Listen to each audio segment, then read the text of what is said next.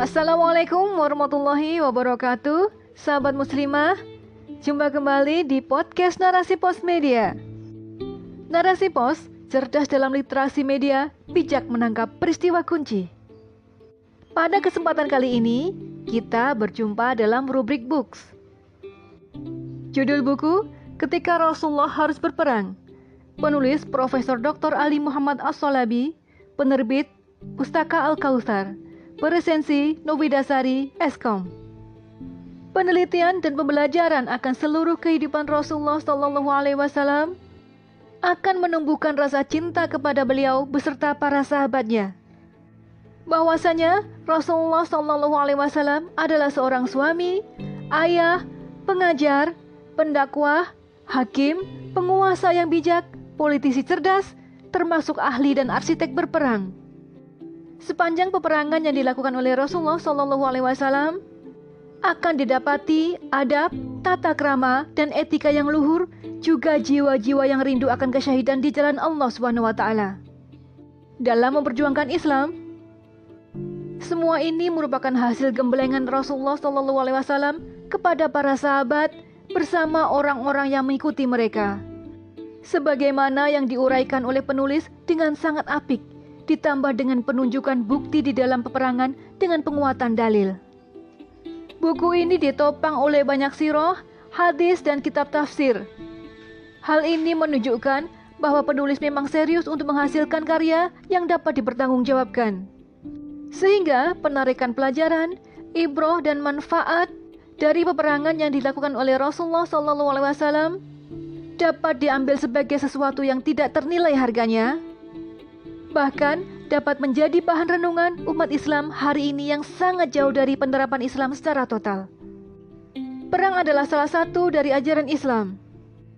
Dengan jelas, penulis menyebutkan bagaimana tahapan perintah perang kepada Rasulullah SAW yang dimulai dari fase pelarangan perang hingga fase kewajiban untuk memerangi orang kafir secara keseluruhan setelah berdirinya negara baru di Madinah kala itu.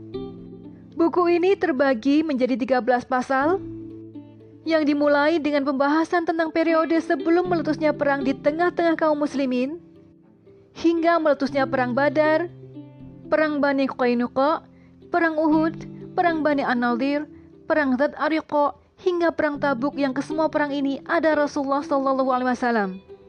Setiap perang yang diuraikan membawa pembaca seolah ikut serta menyaksikan peristiwa demi peristiwa yang terjadi.